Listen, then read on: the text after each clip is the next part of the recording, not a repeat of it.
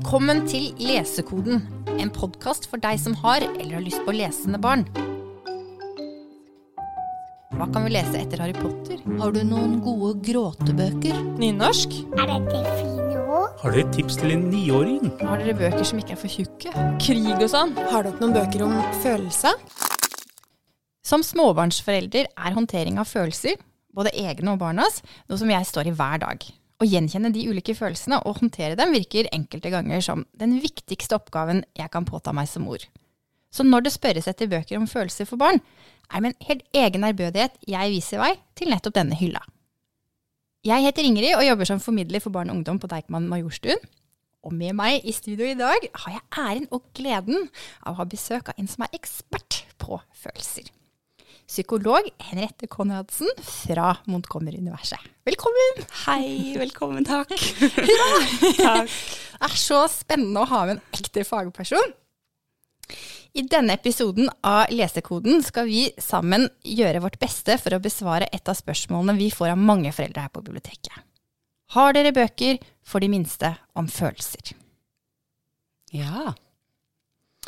Og Henriette, du har jo bakgrunn fra arbeid med barn og familier og familieveiledning. Kan du fortelle litt mer om hva du er god på? Ja, så bra. Eh, nettopp dette med hvordan eh, man hjelper barn med følelser. Og det å, jeg er sertifisert i foreldreveiledningsprogrammet Trygghetssirkelen.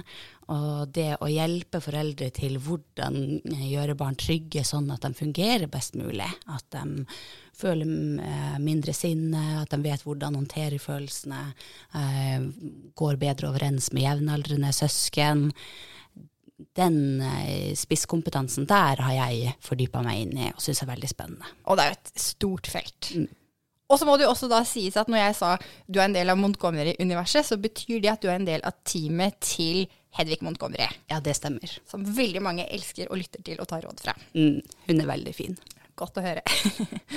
og ja, dessuten så er du også småbarnsforelder. eh, og, eller har eh, var det fire år og Syv, ja. Ikke sant? Så du har jo også stått i ting på hjemmebane, vil jeg tro. Absolutt. Det kan være også bra å ta med seg i denne ferden gjennom eh, bøker vi skal snakke om. Før vi går inn i enkelttitler som handler om følelser, så syns jeg det er interessant å stille deg noen spørsmål eh, som også handler litt om når, f.eks. Når er barna klare til å ta for seg følelser og begynne å snakke om dem og liksom gå inn i det? Ja, det kan du faktisk gjøre fra aller første stund. I starten vil jo ikke barnet eh, skjønne noe av det du sier, men din varme stemme til eh, det som barnet opplever på innsiden, har så mye å si den første utviklinga av, av rett og slett regulering av følelsesbiten. Etter hvert vil jo barnet eh, begynne å legge merke til de ordene du sier, og den vil kunne koble på en måte de ordene til den innsiden som den har. Så det er veldig, veldig fint å gjøre fra start av. Nå kom jeg på en ting. Det er nesten et lite bakholdsangrep, fordi det er en boktittel jeg liksom helt har glemt. Men jeg kom på den i dag til morgenen, og nå fisker jeg den opp av veska. Fordi det er, um, det er en bok jeg brukte på Eldstemann, som har ligget brakk eh, en stund. Og så har jeg nå en som er ett og et halvt. Og så lå den tilfeldigvis fremme i dag til morgenen. Og det er en bok som er en del av en serie som heter Smarte små, som tar for seg kroppen, trafikk. Og denne boka heter Glad, sint, redd og handler om følelser. Og hun, datteren min har kanskje ikke eller hun har ikke noe egentlig veldig sånn forståelse av hva som foregår, men hun syns det er spennende å bare gå inn i liksom dramatikken, lei seg, og bare se på, liksom, på stemmen. Og det slo meg i dag til morgenen at hun, hun går på en måte ikke i dybden av det, men hun opplever dramatikken i måten jeg formidler på. Det hører hun, og det ser jeg at fenger. Så det er faktisk den første boka hun har begynt å lese. Nydelig. Den, og akkurat den boka der kjenner jeg til, den er jo fin med at den bare beskriver rett og slett følelsene, eh, og at du kommer innom de ulike følelsene. Og det at datteren din fanger opp liksom din, hvordan du har stemme, det kan du jo sikkert også legge merke til om hvordan de ser opp, eh, og istedenfor å se på boka. Og bare der har du jo mye effekten av det Ja. å lese om følelser. Og det er jo også et generelt formidlingstips til alle foreldre eller besteforeldre, voksenpersoner som skal lese for barn. Det er veldig lov å frigjøre seg fra tekst og på en måte bare tenke hva er det som kan gjøre dette liksom dramatisk og spennende, og gjøre at de relaterer til det jeg ønsker å fortelle. Veldig. Alle er jo født med følelser, vil jeg tro. Eh, men kan du si litt om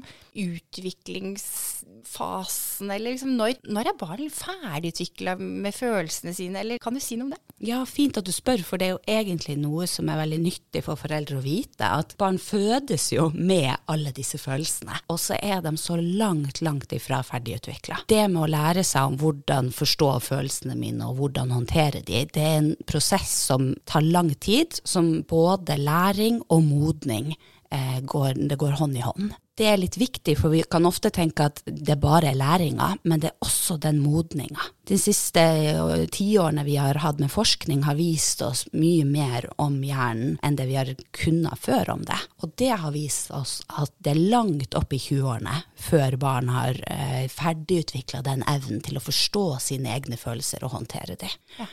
Og jeg må også si at jeg som er 35 og har barn på 4 og 7, det er jo virkelig mange ganger hvor jeg ikke klarer å styre meg og håndtere mine egne følelser, eller forstå hva jeg der i det øyeblikket kjente på. Sånn at det å forvente at niåringen eller toåringen eller 16-åringen for den saks skyld skal klare det, der bommer vi. Ja, og det ser vi en tendens også i samfunnet, at vi på en måte eh, slipper dem litt for tidlig i det med hjelp med følelser. Det trenger dem så innmari lenge. Det er egentlig morsomt du sier det, fordi jeg som forelder så leser jeg også en del bøker om foreldreskap og oppdragelse. Og så ser jeg også at det matcher litt barnebøkene om følelser. Og de følelsene jeg har som voksenperson er jo langt på vei de samme. Og så syns jeg også at det er fine påminnelser, mange av de bøkene vi skal snakke om, hvordan jeg kan håndtere mine følelser. Ja, helt enig. Det vet jeg flere bøker jeg har tenkt på, at dette er nesten beste voksne. Ja, så er det fint for barn òg, men veldig fint for voksne å få innblikk i ja. hvordan kan jeg møte det lite speil, på et vis. Mm. Hvordan tenker du som fagperson at vi best kan bruke bøkene når vi bruker litteratur som en inngang til å snakke om følelser? Jeg tenker at både de bøkene som finnes om følelser, og skjønnlitteraturen til barn, hjelper barn til å få mer oversikt over egne tanker og følelser både med at, sånn så skjønnlitteraturen, for å si den, vi skal jo også snakke om noen bøker spesifikt mot følelser, men skjønnlitteraturen den kan liksom utvide uh, fortellinga barna har om seg selv, gir næring til den fortellinga barna har om seg selv. Og også uh, vise dem fortellinger om andre, om, om, hvordan andre kan ha det. Og der er bøker gull for det for barn. Det har jo vi også for så vidt oppdaget og snakket om at for barn så kan det også kanskje noen ganger bli for voldsomt det som er direkte på dem. Men hvis man går inn i dyr eller andre, så, så er det lettere å, å, og gå inn i det. Nettopp. Og det ser jeg veldig ofte, at dersom det er en annen, ja, og det mm. er fratatt fra seg selv, da kan man oi, oi, oi. Og det er lett for en sånn lesestund med barn generelt er jo også en unik mulighet til at det er lett å liksom Der ble hun ordentlig sint. Hun hadde det ikke bra nå på morgenen, og man kan snakke litt om det som skjer. Og så vet jeg jo også det som jeg har hørt dere snakke om på denne podkasten òg, det er jo nydelig sånn med det å sitte ned sammen med barnet sitt og kjenne varmen fra forelderen, eller stemmen også. Mm. Det har jo også veldig god effekt i dette. Ja, setting er også viktig for også, ja, når barn er mottagelige for å gå inn i det. Ja. Du, du, gjør det kanskje ikke på bussen på vei til barnehagen, men Ikke sant? Og så er det så lett at i småbarnslivet og livet med barn at det er bare en ting du skal. Mens man også legger merke til hvor nydelig det er for barnet å få den stunda med deg. Ja. Dersom du merker at barnet ditt er uregulert og ingenting funker, så kan en lesestund også gjøre mye for å samle det ned. Det er også, jeg vil si, stalltips eh, fra eget liv, holdt jeg på å si. Eh, jeg har barn som er høyt og lavt, og når de begynner å glippe, da trekker jeg fram en bok, og liksom det, I ni av ti tilfeller så funker det, men det krever innsats fra voksenpersonen. Ikke sant? Nå kommer jeg også på en annen ting eh, når vi snakket, for altså, hvis vi tenker på litteratur som inngang til å snakke om følelser, så vil jeg vel si dypest sett den meste av litteraturen, både for voksne og for barn, handler jo liksom om følelser. Så eh, hvis man går gjennom bøker, så ser man jo at man kan finne mange både, meninger og innganger til å snakke om konkrete temaer. Men det vi skal snakke om i dag, er bøker som Det er følelser. Ikke sant? Så én ting er jo det å ja, finne stund og ja, kanskje språket. Men hvordan tror du at, at barna er best Altså at ting fester seg, liksom at de lærer? At de, at, blir, at de, bærer det med seg videre? Hvordan tror du det best kan foregå? Den aller beste måten barn lærer om følelser, er når de blir møtt fra en voksen i det de har den følelsen. Og litt på samme måte kan man tenke at når vi treffer følelsen deres når vi leser, f.eks. i historier, altså i skjønnlitteratur, så vil det også treffe da at de tar det med seg. Men når det er sagt, så er det at når de opplever noe som, hvor de blir lei seg eller sint eller kjenner på en eller annen følelse, det at vi voksne kan klare å, å se bak det de eventuelt gjør, og si noe om at 'nå skjønner jeg, nå kjenner du syns sikkert det var dumt'. Ja, jeg vet at vi, vi skal ikke gjøre sånn, men jeg skal hjelpe deg, for det var dumt når han sa, eller 'pappa skyndte seg så', eller 'jeg var så rask nå'. Du mente jo bare at du skulle ta på deg de hårspennene, eller du mente nå at du skulle ha på deg støvler. Få høre, hva tenkte du? Det er faktisk utrolig lærerikt Ja. for dem for å lære om sine egne følelser. Og så er det jo det at vi voksne trenger også å ha kunnskapen om at barn er så fulle av følelser. De har et enormt behov for å bli møtt. Det er et sånt bilde fra det foreldreveiledningsprogrammet Trygghetssirkelen, hvor de har ja, nå tegner jeg liksom opp i min brystkasse, altså helt fra brystet og ned til magen, så tegner jeg opp en kopp. Og alle barn har en sånn kjærlighetskopp eller følelseskopp eh, inni seg, hvor de trenger påfyll på den koppen for å være i vater. På samme måte som vi voksne trenger oksygen, så trenger de det påfyllet. Og det påfyllet kan variere fra barn til barn, om det er den fysiske nærheten, eller at du er veldig interessert i hva de snakker om, em, at vi er sammen, at man sier noen hyggelige ord. Det varierer. Men å finne sitt Hvordan fyller jeg på kjærlighetskoppen til mitt barn? Og når den koppen er tilnærma full, da fungerer barn sånn som vi kjenner det, sånn som vi vet at å, der er barnet mitt. Og når alt er galt, så er på en måte min første tanke er kjærlighetskoppen tom? Og man har jo ikke vært en dårlig forelder hvis den kjærlighetskoppen er tom. Så godt å høre. Det er mer naturlige tappinger. F.eks. være i barnehagen utenom mamma og pappa. Helt vanlige ting, men tapper kjærlighetskoppen. Så det at uh, dem som jobber i barnehagen sier det var en kjempefin dag, og du ser bare et vrak med en gang du henter det, i hvert fall har det skjedd mye med meg, så er det jo barnet som får tilgang til å, jeg kjenner så veldig på den tomme kjærlighetskoppen, du må fylle den opp, og trenger veldig da at vi er nær og ser det. Ja. Så tenk at koppen skal være ganske passe. Da er vi i riktig modus for å lære. Det stemmer. Og så er det også den at barn er veldig forskjellige. Noen har en bitte liten kopp, så det skal ikke så mye til for å fylle den opp, og du ser at det fungerer godt. Mens andre har en veldig stor kopp med mange hull i. Så du kan fylle og fylle og fylle, men trenger veldig nærværet av en voksen som fyller på den, for å klare å fungere og modnes på en god måte. Og ingen av de to tingene er bedre enn andre. Der er bare vi forskjellige. Elsker når svaret på mange problemstillinger er at det er ikke noe rett eller galt. Sant? Nå tenkte jeg at vi skal hoppe videre til rett og slett bøkene. Og jeg har da funnet fram bøker som er for de minste, de aller, aller minste, som vi har ute i vårt bibliotek. Og en bok heter Det er en serie som heter Vi utforsker. Den heter Følelser. Og det er en lukebok som jeg vil tippe at alt fra ettåringer kan, kan begynne å leke seg med. Og der er det ansikter med klaffer på, så hvor man da Først er det blitt, og så kan man løfte på klaffen, og så ser man et helt annet ansiktsuttrykk. Ikke sant? Og da er det også litt opp til oss foreldre hvordan vi velger å bruke det. Er det bare et leketøy, eller kan vi liksom si glad, lei seg, eller som jeg sier aua, aua. Og så er de straks inne i det. Det er vel en del av, av læringsprosessen, det å forstå andre, hvordan andre har det, hvordan de ser ut når de er glad eller lei seg. Ikke sant? Fint. Og det skaper jo veldig mulighet for å kunne snakke om sånn som i går når du ble lei deg. Husker du når jeg skulle gå? Det var jo ikke rart. Sånn kan man føle det. Så det skaper allerede der den muligheten til å snakke sammen om hvor vi vil få fram det at følelser ikke er farlig, og av og til har vi den følelsen, av og til den, og av og til den. Ja. Jeg syns også at det kan forlenge det øyeblikket Eller for du sa i stad at, eh, det er viktig å snakke om følelsene når de oppstår. Og da syns jeg også at sånne bøker kan være liksom fine til å liksom, Husker du ja, at det går an å snakke om det dagen etter hvis man klarer å henge det på en knagg? Ikke sant. Som f.eks. en sånn bok. Kjempefint. Det er kommet en ganske ny bok som heter 'Følelsene fra glad til gråt' av Stephanie Coutier, som jeg også syns er veldig fin, for den gir følelsene karakter. Det er jo på en måte små, små dyr som har ulike farger, og som i min erfaring da kan være med på å gi det et språk, et bilde, på noe som jo er veldig abstrakt. Så i hvert fall at det kan styrke forståelsen for at det kommer noe. Fint. Når det er sagt, så har jo vi snakket sammen litt på forhånd, og jeg syns du sa noe som jeg bare jeg synes er så interessant og viktig, som handler om øh, hvordan vi egentlig anskuer det hele og angriper det. Fordi du er opptatt av at følelsene skal ha likeverd. Ikke sant? og at ikke de skal fremstilles som hva skal jeg si, som uh, ugjerningsmannen eller monstrene. At, at, at det er slemme. Kan du si litt mer om det? Ja, for i mange av disse bøkene som har kommet om følelser, så er det på en måte dårlige følelser og gode følelser. Og da beveger vi oss litt inn i det landskapet noen følelser vi helst ikke vil ha.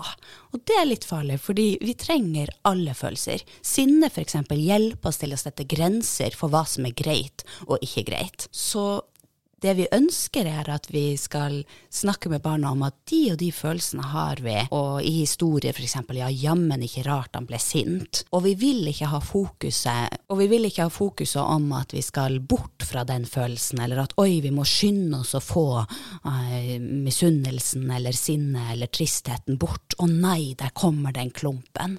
Vi vil mer være på oi, ja, der var det en klump. ja, det var jo ikke rart, han skulle jo dra fra mammaen sin, da kan man bli lei seg. Eller han savner jo mamma og pappa. Det er ikke rart, vi savner jo ofte de vi er glad i. Så blir det mer håndterbart fordi at dette er vanlige følelser som vi alle har. Dit er det vi vil. Og dette er jo egentlig noe man kan bruke et liv på å trene seg opp til. Det å liksom orke å gå inn i situasjoner og følelser som er ubehagelige, som koster oss krefter. Virkelig, og der kan vi gjøre et kjempebidrag fra de er små, til å venne dem til at dette er følelser vi alle har. Sånn at når de står i skolegården og kjenner på nei, jeg er enten livredd eller jeg savner mamma, så kan de være på ja, kan de på en måte ha den andre stemmen i hodet sitt, ja, men det er ikke rart det, da, for nå er det litt mange nye ting, eller han der, der borte, han ser ganske skummel ut, ja, jeg får gå og snakke med den voksne, eller jeg får prøve å gjøre noe annet så lenge. Vi slår et slag, et viktig slag for, for likeverd for følelser. Vi Det trenger vi. alle følelsene, og vi skal ta vare på dem. Det gjør vi. Og så hvis jeg bare kan si, så har det vært en veldig utvikling fra type 1950 at vi ikke skulle ha følelser. Barn skulle ses, men ikke høres. Så der har det vært en veldig utvikling om at ok, vi alle har følelser, og de trenger vi. Og så henger det litt igjen her og der på at å, de følelsene er dårlige, eller de må bort. Mens det er det vi ønsker at vi skal bare få fram, at de har vi. For det er det som er mest beskyttende for barnet, at de er komfortable med det. En annen dimensjon er jo også, som jeg jo nevnte, å gi dem form og farge. Og så er det også å gi språk. Og jeg vil si en av våre fremste barnebokforfattere og illustratører er Anna Fiske. Og hun har også på dette feltet en fin serie som handler om følelser. De heter veldig sånn tydelig sjenanse, redd, sinne. Hvor hun tegner og skriver litt om de ulike følelsene. Det er kanskje for bitte litt eldre barn, eller i hvert fall litt avhengig av hvordan foreldrene legger det fram, da, eller voksenpersonen legger det fram. Men er også med på å gi språket verktøyet til å kunne snakke om det. Mm. Jeg syns spesielt den Redd-boka er fin, for da er det veldig en sånn normalisering at vi alle er redd, og det er vi på forskjellige ting. Der har hun fått godt inn den om at det er en naturlig følelse. Sønnen min, som da har blitt eksponert for ganske mange av disse bøkene om følelsene og, og andre temaer, da. Eh, Jeg, at, eller, jeg hører han si ofte Kan vi ikke være så snill å ha en fortellerbok? det stemmer jo også med det du har sagt innledningsvis, da, om altså, at skjønnlitteraturen, altså for, de rene fortellingene, er kanskje de mest effektive, de som vi sterkest bærer med oss videre. Det treffer ofte de følelsene sånn at barnet kan leve seg inn i det og være med i fortellinga, og der treffer vi følelsene til barnet så innmari godt. Eh, Så det å finne sitt barn sitt univers er veldig, veldig fint, hvor kan, barnet kan bli grepet av den boka. Det er veldig, veldig fint. Det er et par bøker som har skapt enkle fortellinger da, for å illustrere det. En bok heter 'Sint og glad i barnehagen' av Solfrid Raknes. Hun har liksom konstruert en fortelling om en, en gutt eller en jente og et situasjon når de er eksponert for, det, typisk i barnehagen. Og som da er sånn fortellerbok, som sønnen min sier. Eh, jeg syns den er veldig fin, jeg har brukt den mye. Du hadde også en, husker jeg, det er den Det stemmer. Eh, Birte Svatun som har skrevet 'Hva er følelser?', den er også veldig fin. Jeg syns den er spesielt god på hvordan er det de voksne møter følelsene til barnet. Så for deg som forelder som også lurer litt ok, hvordan skal jeg møte alle disse for vanskelige situasjoner, det får vi jo nok av. Så er den på en måte også veldig sånn fin til å få tips til det, faktisk. Og så må man igjen se om sitt barn blir grepet av det. Men her er det òg mer det som kanskje din sønn ville ha vært på, at det forteller eh, historier, på en måte. Så er det fine illustrasjoner av en eh, som heter Tiril Valør, så det gjør det også til en sånn visuelt god bok. Det gjør det. Så til skjønnlitterære historiene om de store følelsene barna bærer på. Ja. Hvilke bøker har du lyst til å trekke fram fra veska di som favner det? I dag har jeg med meg eh, 'Minsten er sint', som er skrevet av Mervi Lindmann. Eh, veldig fin bok om sinne, hvor eh, han blir sint, og hvordan det er å være sint. Og på en måte, jeg tenker her får han lov å være sint, det vises gjennom denne boka. Og på slutten, nydelig avslutning med at det er slitsomt å være sint, og jeg vil ha hjelp fra mammaen min, hvor det er bilde av at han er tett inntil henne. Og veldig fine illustrasjoner som taler veldig til hjertet. Jeg mener å huske at det er den samme forfatteren som lager serien Ingrid. Ja, stemmer. I tillegg tok jeg med meg eh, 'Baby er lei seg' og 'Baby er sint'. Det er Ann Forslin som har skrevet de. Det er så bra titler! De er liksom rett på kornet av det som babyer holder på med. Om at man er lei seg, og at ingenting av de voksne, tingene vi voksne prøver å hjelpe til med smokk eller drikke eller leke eller hva det skulle være. Og så er det en side om at baby vil bare opp. Og det å se på barnet ditt, om hvordan, hvordan reagerer den på den siden hvor det er illustrert så nydelig, hvordan babyen bare strekker opp hendene, um, og så vil den bare ha kos hos mammaen. Jeg la merke til at min fireåring til og med var liksom så på den, og, og det å legge merke til hvilken side det barnet blir opptatt av, for den gjenkjente hun, den å bare ville opp. Og jeg som forelder også gjenkjent Det må jeg få nesten tårer i øynene, fordi hvor mange ganger har jeg ikke klart å misforstå? Ikke sant? Absolutt. Og så er det bare dette de driver med. Sammen med sinne. Kari Grossmann er jo en av Norges mest produktive barnebokforfattere. Veldig mange har et forhold til bøkene hennes. Jeg syns disse bøkene er fantastiske, Kari Grossmann sine bøker. Den som jeg i dag har med meg, er 'Lillesøster spiser frokost', hvor jeg syns det er bare nydelige illustrasjoner av hvordan hun er sint, og det males ut med bred pensel hvordan de følelsene hennes er, og hvor sint hun er. Um, og en situasjon som mange barn kan kjenne seg igjen i, um, med det å våkne og kjenne at ikke alt er ok. Veldig god. Du har jo også Eh, eller skulle ha med én til av Kari Grossmann, men var det at den lå på hytta? Ja. Den har vært så populær i sommer, så den lå på hytta. Men Kari Grossmann har jo nydelig barnehageboka mi. Det som er så fint med den barnehageboka, er at du får de eh, avskjedene, eller eh, når de blir henta igjen. På hver side så er det nytt barn som blir henta, og som forteller om dagen. Hvor de kommer inn på stunder hvor de ble lei seg, eller noe som skjedde. Og de klassiske stundene også med bursdag og Lucia og sånne ting, og karneval, tas opp også inn i denne boka. Så både at det er så veldig gjenkjennelig for barna og godt for barna å lese om det som de opplever igjen og igjen. Det er regulerende for dem. Apropos følelser og det at det er mye som skjer når det er bursdag eller Lucia og man gleder seg sånn, sånn at man kan egentlig bli litt urolig. Måten det òg kan reguleres og håndteres, er å lese historier om det igjen og igjen. Og der er Kari Grossmann sin barnehagebok nydelig. En av mine barnehagebokfavoritter er Josefine Sundstrøms boka om å gå i barnehagen, som egentlig bare tar deg gjennom dagen. Den er Sånn- veldig fin. Sånn ser dagen ut for barna. Og det er jo der veldig mange av de store følelsene skjer, som du sier. Ikke sant. Den er veldig fin. Og vi vet jo også at barn er eh, mer tid sammen med de i barnehagen enn de er med oss foreldre, eh, når man også regner med ferier og helger. Så det er jo en veldig stor del av deres liv. Og hvordan de blir møtt på følelser der, har jo også så mye å si. For en uke siden så gikk Gunilla Bergstrøm bort. Det er mammaen til Albert Aaberg. Albert Aaberg fyller faktisk 50 år neste år. Det er eh, en av de gode gamle. Du trakk fram Albert Aaberg som et viktig univers for følelser. Veldig. Den trakk jeg faktisk fram før hun døde, når vi hadde snakka om hvilke bøker jeg ville ha frem. Og den jeg har med meg i dag, er 'God natt, Albert Aaberg', som også er en nydelig bok i eh, Albert Aaberg-universet. En av de nydelige. Um, hvor det er igjen en veldig gjenkjennelig historie for barnet, det å skulle legge seg og ikke sovne, og hvor man dras gjennom hvordan det er for Albert. Veldig, veldig fin bok. Og igjen tenker jeg at man må liksom finne sitt univers for sitt barn, sånn som min syvåring har aldri likt, og jeg prøvde igjen og igjen, og jeg skjønte ikke hva, hva er galt med han, eller hva er galt med bøkene. Mens fireåringen min har liksom fra dag én sittet slukt. Mens fireåringen min har fra dag én vært veldig opptatt av disse bøkene, og sitter veldig stille og fokusert når jeg leser de.